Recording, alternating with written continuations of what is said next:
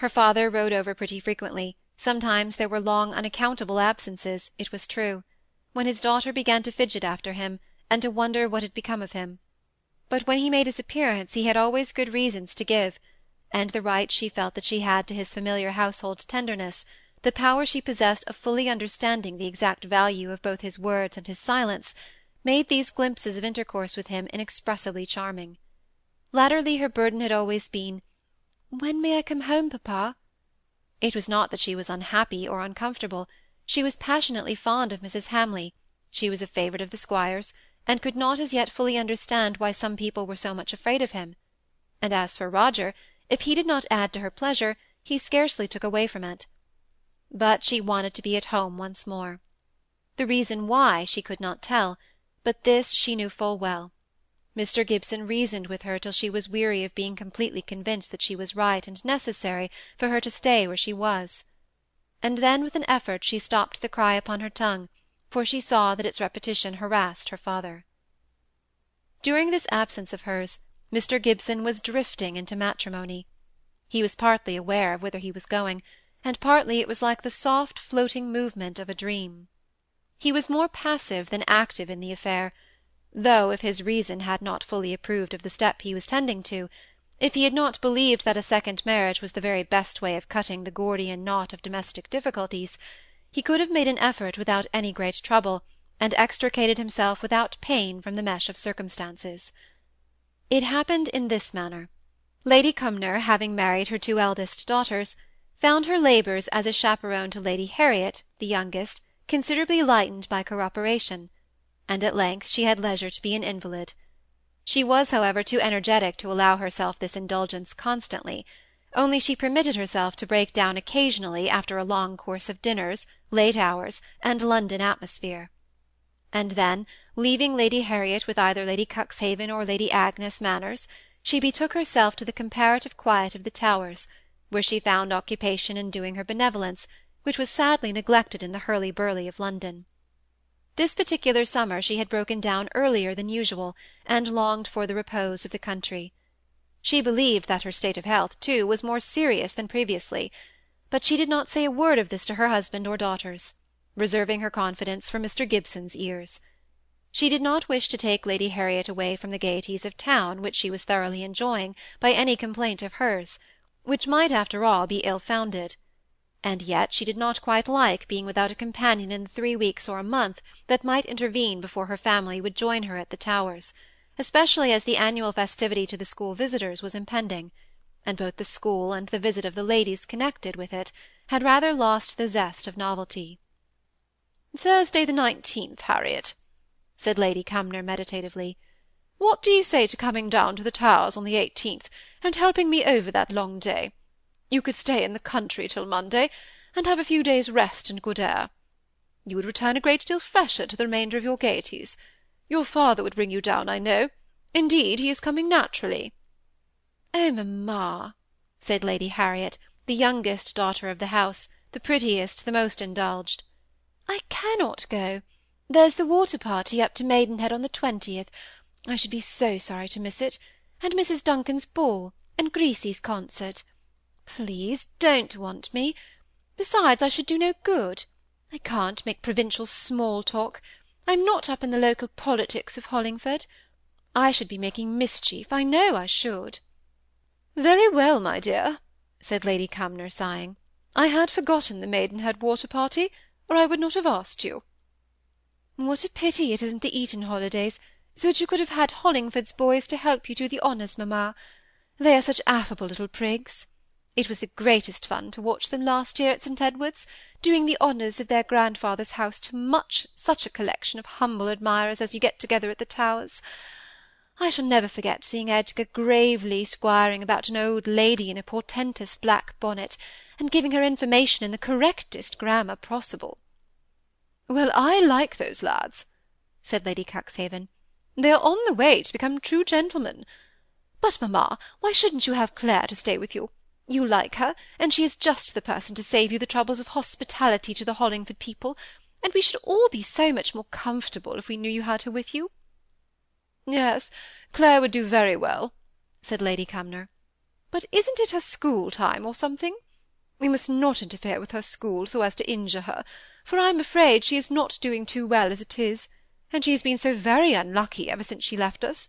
First her husband died, and then she lost Lady Davy's situation, and then Mrs. Maud's, and now Mr. Preston told your father it is all she could do to pay her way in Ashcombe, though Lord Cumnor lets her have the house rent-free."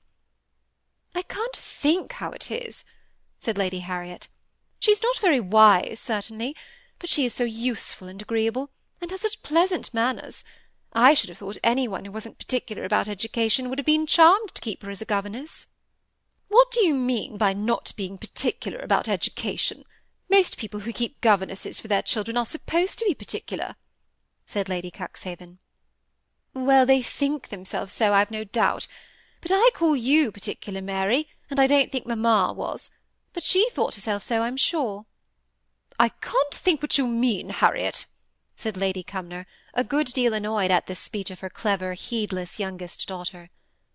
"Oh dear, mamma, you did everything you could think of for us; but you see you'd ever so many other engrossing interests, and Mary hardly ever allows her love for her husband to interfere with her all-observing care for the children. You gave us the best of masters in every department, and Clare to dragonize and keep us up to our preparation for them, as well as ever she could. But then, you know, or rather you didn't know, some of the masters admired our very pretty governess, and there was a kind of respectable, veiled flirtation going on, which never came to anything, to be sure. And then you were often so overwhelmed with your business as a great lady, fashionable and benevolent and all that sort of thing, that you used to call Clare away from us at the most critical times of our lessons, to write your notes or add up your accounts; and the consequence is, that I'm about the most ill-informed girl in London. Only Mary was so capitally trained by good awkward Mrs. Benson, that she is always full to overflowing with accurate knowledge, and her glory is reflected upon me." "Do you think that what Harriet says is true, Mary?" asked Lady Cumnor rather anxiously. "I was so little with Clare in the schoolroom. I used to read French with her; she had a beautiful accent, I remember. Both Agnes and Harriet were very fond of her. I used to be jealous for Miss Benson's sake; and perhaps Lady Cuxhaven paused a minute. That made me fancy that she had a way of flattering and indulging them, not quite conscientious, I used to think. But girls are severe judges, and certainly she had had an anxious enough lifetime. I am always so glad when we can have her, and give her a little pleasure. The only thing that makes me uneasy now is the way in which she seems to send her daughter away from her so much. We can never persuade her to bring Cynthia with her when she comes to see us." "Now that I call ill-natured," said Lady Harriet. "Here is a poor dear woman trying to earn her livelihood, first as a governess, and what could she do with her daughter then, but send her to school? And after that, when Clare is asked to go visiting, and is too modest to bring her girl with her, besides all the expense of the journey and the rigging out, Mary finds fault with her for her modesty and economy. Well, after all, we are not discussing Clare and her affairs, but trying to plan for mamma's comfort. I don't see that she can do better than ask Mrs. Kirkpatrick to come to the Towers, as soon as her holidays begin, I mean. Here is her last letter, said Lady Cumnor, who had been searching for it in her escritoire, while her daughters were talking. Holding her glasses before her eyes, she began to read. My wonted misfortunes appear to have followed me to Ashcombe. Um, mm, that's not it. Mr. Preston is most kind in sending me fruit and flowers from the manor house, according to dear Lord Cumnor's kind injunction. Oh, here it is. The vacation begins on the eleventh, according to the usual custom of schools in Ashcombe, and I must then try and obtain some change of air and scene, in order to fit myself for the resumption of my duties on the tenth of August. You see, girls, she would be at liberty, if she has not made any other arrangement for spending her holidays. To-day is the fifteenth.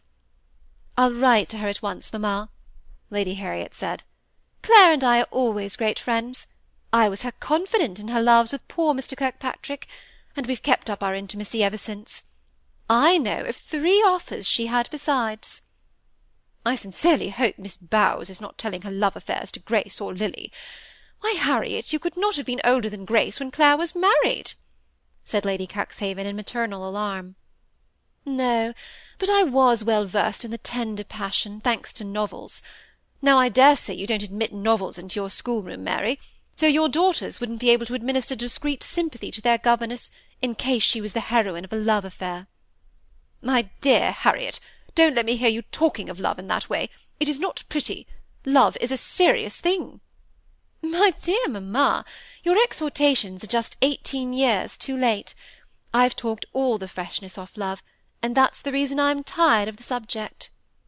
This last speech referred to a recent refusal of Lady Harriet's, which had displeased Lady Cumnor, and rather annoyed my lord.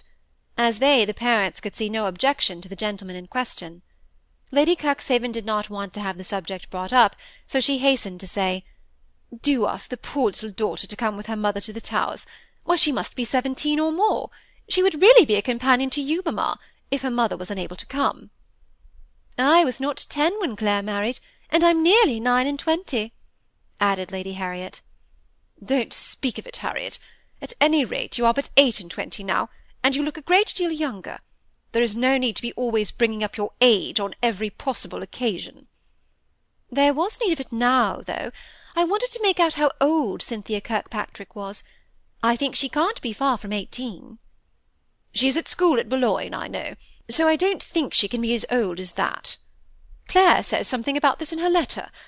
Under these circumstances—the ill success of her school—I cannot think myself justified in allowing myself the pleasure of having darling Cynthia at home for the holidays, especially as the period when the vacation in French schools commences differs from that common in England, and it might occasion some confusion in my arrangements if darling Cynthia were to come to Ashcombe, and occupy my time and thoughts so immediately before the commencement of my scholastic duties as the eighth of August, on which day her vacation begins, which is but two days before my holidays end.